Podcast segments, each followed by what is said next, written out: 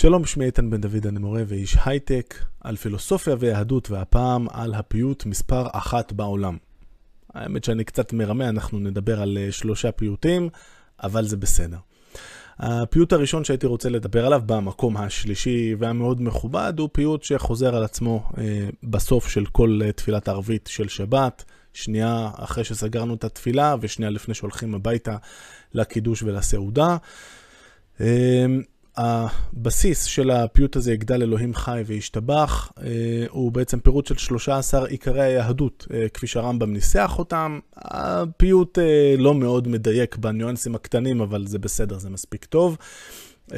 מה שמעניין בפיוט הזה הוא מורכב מ-15 שורות, שזה מספר אי-זוגי, והלחנים בדרך כלל עובדים על מחזוריות של או שתי שורות או ארבע שורות, ולכן חוזרים, אחרי שסיימנו את השורה האחרונה, חוזרים לשורה הראשונה. אה, אני אתן אה, ככה כטעימה שני אה, ניגונים שאני אוהב במיוחד מילדותי, של ההתחלה ושל הסוף. אז.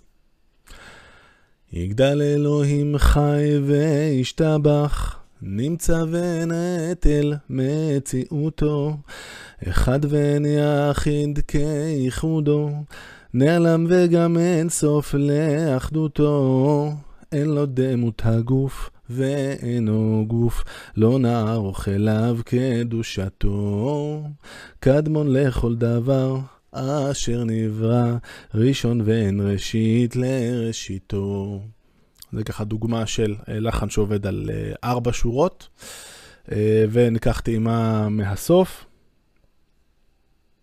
תורת משה אמת ונבואתו, ברוך עד שם תהילתו, יגדל אלוהים חי וישתבח, נמצא ונעת אל מציאותו. אז יש לנו מנגינות שהן ככה קצת יותר ליריות, כאלה שהן קצת יותר חגיגיות, אה, אבל יש איזושהי הסכמה, אה, או לפחות משהו ששמעתי מיותר מבן אדם אחד, שיכול להיות שזה אה, הפיוט עם הכי הרבה אה, ניגונים שונים לאורך הדורות, גם בימינו. עדיין יש כל מיני לחנים חדשים שמולחנים ליצירה הנהדרת הזאת. אז זה במקום השלישי, וזה קסום, אבל במקום השני והראשון בחרתי שני פיוטים שהם מיוחדים ליום כיפור. האחד הוא הפיוט שפותח את, ה, את הערבית, אה, בעצם הפתיחה של, של יום כיפור בסופו של דבר, אחרי שככה מתיישבים. מתחיל הפיוט הזה, בדרך כלל אה, החזן מתחיל בבתי כנסת אה, מסוימים. בעצם זה עובר בין המתפללים השונים, לפעמים זה בתיאום של החזן, לפעמים זה מי שתופס לוקח. אה, ככה לפחות בבתי כנסת שאני גדלתי בהם. יש גם בתי כנסת שבהם כולם שרים אה, ביחד מההתחלה עד הסוף. קצת מאבד את האווירה של הבזאר המזרח תיכוני האהובה עליי, אבל אה, זה אני. אז אני מדבר על לך אלי תשוקתי, אני חושב שבתודעה הישראלית המודרנית הוא מוכר גם בגלל הלחן החדש יחסית של מאיר בנאי, שזה היה להיט גדול בזמנו. והמנגינה שאני אה, מכיר מאוד ואוהב מאוד, ושמעתי אחרות, נשמעת ככה. לך אלי תשוקתי,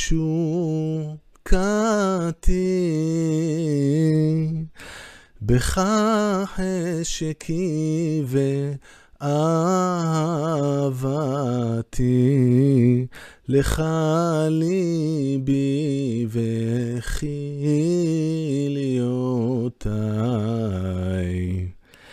לך רוחי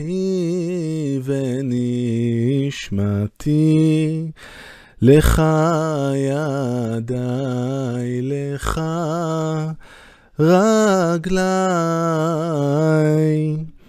וממך היא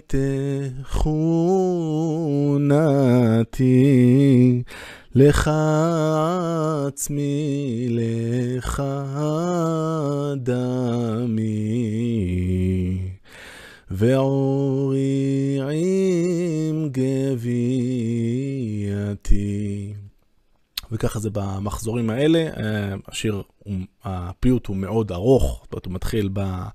ברשימת המצאי, אה, פחות או יותר הגופנית שלנו, והולך אה, למקומות רבים אחרים ועמוקים, כמו היחס בינינו לבין אלוהים, חרטה שלנו על החטאים שעשינו, האמירה של אם תשים אותנו במשפט אין לנו סיכוי, אז תעשה לנו איזשהו מערוף. יש כאן גם מלכודת למי מכם שנופל בחלקו המשפט, ואם תביא ומשפט עבדך מהית גבורתי, הבעיה שהמילה עבדך ככה חצויה בין, בין שני החלקים. וצריך לדעת איך לנהל את הדבר הזה, אחרת מתחילים להסתבך. ויש את הסיום המופלא שמדבר על יום המיטה שלנו, ויום לכתי לפניך רצנה את הליכתי, ואם עושה רצונך תנא שכר פעולתי, ותשלח מלאכי החן ויצאו נא לעומתי, ושלום בואך יאמרו, בכל אחד בביאתי. יביאוני לגן עדנך, ושם תהיה ישיבתי, ואת עדן באורך, ושים כבוד מנוחתי, ואור גנוז לפניך יהי סטרי וסוכתי, ותחת צל כנפך תנענה את מחיצתי. אה, מקסים אה, בעיניי. אבל, במקום הראשון, יש אה, פיוט שאני חושב שבסך הכל הוא לא כל כך מוכר, אבל יש לו מקום מיוחד אצלי בלב. ביום כיפור עצמו, אז מי שמתפלל מכיר, זה נורא ארוך, ויש איזה שלב של הפסקה, גומרים את המוסף, הולכים הביתה קצת לשים את הראש, ואז אה, חוזרים לאט לאט לבית כנסת, כל אחד קצת אה, בזמנו. אה, וסבא שלי, שדיברתי עליו גם בסרטון הקודם שלי על הסליחות, אפשר למצוא את הלינק בתיאור, היה מתחיל עם הפיוט הזה, הוא היה מתחיל לשיר אותו לבד, ובדרך כלל, זאת אומרת, הוא היה, עד כמה שאני זוכר, זאת אומרת, מדי פעם מישהו היה לוקח, אבל כאילו היה נורא ברור שזה הפיוט של סבא שלי. אה, וזה הניגון, זה עם ניגון אה, חלבי, אה, סורי מה שנקרא, העדה, הקהילה בחלב, באחת הקהילות העתיקות בעולם של היהודים, עד שבסופו של דבר כולם התפזרו מלארץ ישראל ומלאמריקה לעשות שם חיל באמצע המאה ה-20 פחות או יותר. מה שמאוד מעניין בפיוט הזה זה שלא ממש יודעים מי כתב אותו. אה, אנחנו מכירים את זה שבהרבה פיוטים יש את מה שנקרא אקרוסטיכון. זאת אה, האות הראשונה אה, בכל שורה מרכיבה איזשהו מסר, וזה בדרך כלל השם של מי שכתב, המשורר שכתב את הפיוט, כאן זה לא קיים, ואם תסתכלו ותחפשו, תראו שהדעות חלוקות. יש אומרים שמי שכתב את הפיוט המופלא הזה הוא רבי יהודה הלוי, ומי שחושב שזה דווקא רבי אברהם אבן עזרא. Uh, על כל פנים, הפיוט הזה בעצם uh, בנוי בצורה uh, שקצת מתכתבת עם, זאת אומרת, יש אמירה מפורסמת בפרקי האבות, שככה מציינת את התחנות השונות בחייו של האדם, ובכל תחנה למה הוא עכשיו צריך לשים את, ה, את עיקר האנרגיה שלו, נקרא לזה ככה. בין חמש, ככה, בין עשר, טאק, בין עשרים, ככה וככה וכולי. זאת אומרת, בגיל הזה אתה לומד תורה, בגיל הזה אתה מתחיל... אה, אה, גמרא, בגיל הזה אתה אה, מפרנס, בגיל הזה ככה וככה. וכמו שאנחנו נראה, הפיוט הזה בעצם בנוי על אותה תבנית, כשבכל פעם הוא נותן לנו את ה... עם מה האדם מתעסק בגיל הזה. והתמונה שעולה היא לא משהו. זאת אומרת, זה, אפשר לשייך את, ה, את הפיוט הזה לז'אנר שנקרא שירי תלונה, יש, יש ז'אנר כזה. כמו שנראה, זה, החיים שלנו מתחילים טוב, ומאז זה רק, זה רק מידרדר. והוא מתאר איזשהו כלוב כזה, שכולנו לכודים בו. וזה, וזה נכון היום במידה רבה, כמו שזה היה נכון בזמן שהמשורר כתב את הפיוט הזה, וכנראה זה מלווה את המצב האנושי מאז ומעולם. יש אמירה של מאיר שלו שאני מאוד מתחבר אליה, שכשהוא קורא את סיפורי המקרא, יש אה, נניח את אה, סיפורי, סיפור ההתאהבות המופלא של יעקב ורחל, שם ליד הבאר. בסופו של דבר הלב שפועם בחזה שלהם הוא אותו לב שפועם בחזה שלנו. אותם רגשות, אותן דילמות, אה, אותם סכסוכים קטנים ונוראים בין, בין, כאילו, בין חברי המשפחה, בין אנשים בכלל. הדברים האלה הם בסופו של דבר מאפיינים קבועים של המצב האנושי. המטרה של הפיוט בסופו של דבר היא כנראה להזכיר לנו שאנחנו מתעסקים רוב החיים שלנו בדברים לא כל כך חשובים, ופשוט אין בזה טעם, כי בסוף הכל הבל פחות או יותר, המילה הבל גם נאמרת כאן בפיוט. וזה מאוד מזכיר את הגישה, או אחת הגישות השולטות בקהלת, שגם עליו דיברתי בעבר. אבל השילוב של הדבר הזה עם הלחן, השילוב של הדבר הזה עם הלחן המאוד חדגוני והמאוד שובר לב, שאני גדלתי עליו, בעצם, אתה יודע, יוצר פה איזו חוויה ש, שמאוד מאוד קרובה לליבי. הייתי רוצה קודם אומרת, להקריא את הפיוט הפעם, ואחר כך לתת לכם טעימה מהמנגינה היוצאת הדופן שיש לו. אז הפיוט נקרא בן אדמה, שזה ככה על בן אדם, אז בן אדמה.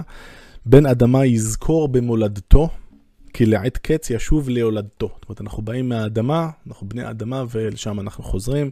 כמובן, זאת הסיבה שאדם נקרא אדם בעברית. קום והצלח, אמרו לבן חמש. מעלותיו עולים עלות שמש, בין שדי אם ישכב ועל ימש, צווארי אב ייקח למרכבתו. בן חמש אין לו צרות בחיים, אבא שלו עושה לו אבא יויו, הוא עם אמא שלו, הכל, הכל בסדר. מה תעיצון מוסר לבן עשר? מה אתם עכשיו תבואו לבן עשר, תגידו לו תהיה ככה, תהיה ככה? עוד מעט כת יגדל ויבשר. תכף הוא יגדל ויחטוף את אותה מנת ייסורים שכולנו חוטפים. דברו לו חן חן ויתבשר. דברו אליו דברים טובים ונחמדים. שעשועיו, יולדיו ומשפחתו. מה נעימים ימים לבן עשרים? קל כעופר, דולג על ההרים. ומי מאיתנו שעבר את גיל 40 זוכר איך שפעם היינו דולגים, היום כבר פחות. בז למוסר, לועג לכל מורים. אבל יעלת חן, חבלו ומלכודתו.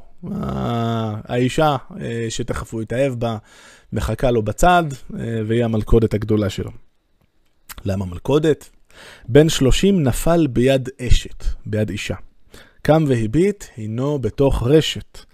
ילחצוהו סביב בני קשת, זאת אומרת חיילים שמכוונים עליו קשתות, ומי הם?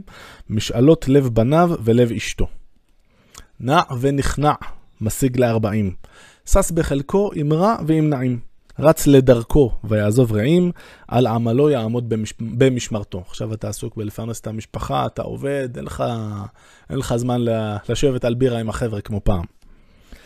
בן 50, כאן המהפך אה, בשיר מכאן והלאה, אני כבר אומר לכם, הולך להיות, אה, זה הולך לי, רק להידרדר. בן 50 יזכור ימי הבל, זאת אומרת, הוא מסתכל אחורה וזוכר אה, את הימים שהוא עסק בהם בהבל בעבר, או שהוא מבין עכשיו שהוא עוסק בהבל רוב חייו. יאבל כי קרבו ימי אבל. זאת אומרת, הוא מתחיל להצטער על מותו המתקרב. בז בעיניו את כל יקר תבל, כי יפחד פן קרבה איתו. הוא פוחד שהוא תכף ימות, אז מה, מה זה כבר שווה כל uh, הדברים הכביכול נפלאים שיש לעולם הזה להציע? שאלו מה היה לבן שישים, אין במעשיו בדים ושורשים. זאת אומרת, המעשים שלו כבר אין להם אה, הרבה קיום, הם לא מניבים בדים, ענפים, הם לא מעמיקים שורשים, הם לא איתנים בקרקע, כי שרידיו דלים ונחלשים לא יקומון איתו במלחמתו. זאת אומרת, הגוף שלו כבר מתחיל ממש אה, לא להיות מה שהוא היה פעם. אם שנותיו נגעו אלי שבעים, אין דבריו נראים ונשמעים. רק למסע יהיה עלי רעים. מסע כאן מ' ס"א כמובן. מעמס על נפשו ומשענתו. בן שמונים, טורח על לבניו. אין לבבו איתו ולא עיניו. בוז ליודעיו ולעג לשכניו. ראש בחוסו גם לענה פיתו. אומרת, מה שהוא שותה זה כמו רעל, זה כמו ראש, ראש עם ו' זה רעל, גם לענה פתאום, מה שהוא אוכל מר לו, זאת אומרת, הוא כבר לא נהנה גם מהדברים הכי פשוטים ובסיסיים בחיים. אחרי זאת, אם הגענו, עברנו את גיל 80, כמת יהי נחשב. אשרי איש אשר נחשב לגר תושב. אין בליבו רעיון ולא מחשב ולא מחשבה, רק לאחרית נפשו ומשכורתו. כל מה שמעניין אותו עכשיו זה הגמול שאולי הוא יקבל, המשכורת, אה, וזהו, כבר אין לו, אין לו עניין ולא פעילות ולא חשיבות בעולם הזה. אה, אני חושב שכולנו יצא לנו להכיר אנשים כאלה, וזה בהחלט שובר את הלב. אז אה, הבטחתי להרים, האמת שלא, אמרתי מההתחלה שזה, שזה, שזה יהיה עצוב, אה, אבל בעיניי זה באמת הפיוט אה, מספר אחת עם היכולת שלו לתמצת את החוויה האנושית העל-זמנית. אה, ועכשיו רק נדבר על, ה, על הלחן, לפחות על הלחן החלבי. אפשר למצוא כמה ביצועים מוצלחים משלי כנראה ברשת. מה שסבא שלי אז אמר, כשדיברתי איתו על, ה, על הפיוט הזה, הוא אמר, תראה, כמו שזה בנוי, השיר הזה שלוקח שתי דקות לקרוא אותו ככה, אז הוא לוקח עשר דקות. עכשיו, זה לא לוקח באמת עשר דקות, אבל זה לא הרבה פחות מזה. העניין הוא שכל הזמן חוזרים שלוש פעמים על, אה, על בערך שתי מילים מכל חלק. חוזרים שלוש פעמים, ממשיכים לשער, מגיעים לחלק הבא, שלוש פעמים, חוזרים, ממשיכים. יש פה משהו מאותה חדגוניות ומאותה חזרתיות שהיא גם חלק מהמסר אה, של השיר. וזה גם מסתדר יפה עם האווירה אה, לפני המנחה של יום כיפור. שוב, לאט לאט אנשים מצטרפים אה, לבית כנסת, חוזרים חזרה מהפסקת צהריים שלהם, וככה משנסים מותניים לקראת הגרנד פינאלה המאוד ארוך גם הוא כמובן, ונזכרים לרגע בדברים שאותם אנחנו הכי נוטים לשכוח, מה הדברים החשובים בחיים. אז זה הולך ככה. בן אדמה בן אדמה, יזכור במולדתו, כי לעת קץ, כי לעת קץ, כי לעת קץ, ישוב אליולדתו, קום והצלח, קום והצלח, קום והצלח. אמרו לבן חמש מעלותיו, מעלותיו, מעלותיו, עולים מעלות שמש בין שדיהם, בין שדיהם, בין שדיהם. ישכב ועל ימש צווארי אב, צווארי אב, צווארי אב, ייקח למרכבתו, ושוב ושוב ושוב ושוב ושוב. אז, אם uh, לסכם, אה, מבחינתי, מה ששם את הפיוט הזה במקום הראשון הוא בעיקר התוכן, המיזוג, השילוב בין התוכן למנגינה. זה שהוא יוצא דופן, הוא פיוט שלא בא להרים, הוא פיוט שבא לגרום לנו לחשוב, והוא גורם לנו לחשוב על הדברים החשובים בחיים. אה, אני לפעמים אה, אומר שאחד המקומות שהכי חשוב להיות בהם זה בית חולים, מדי פעם לבקר שם מישהו שמאושפז, בעיקר לראות את האנשים מסביב, אנשים שנעקרים מהיומיום שלהם, אם הם כמובן המאושפזים, אבל גם עם אלה שמבקרים, ואנחנו לרגע עוצרים את המרוץ האינסופי שלנו אחרי הסוג של כלום ושום דבר, אבל זה מה שצריך לעשות, ונזכרים בדברים החשובים בחיים. אתה פוגש שם את השכן הערבי מהכפר ליד, אתה פוגש שם את הדתי ואת החילוני וכל שאר החלוקות הדמיוניות שמנסים אה, אנשים מסוימים לחלק בינינו, ואתה נזכר ואת נזכרת אה, מה הדברים החשובים בחיים. לפעמים זה גורם לנו להתעורר קצת. נקווה שהשנה הזאת תעזור לנו להתעורר קצת יותר על הדברים החשובים בחיים. עד כאן להפעם, להתראות.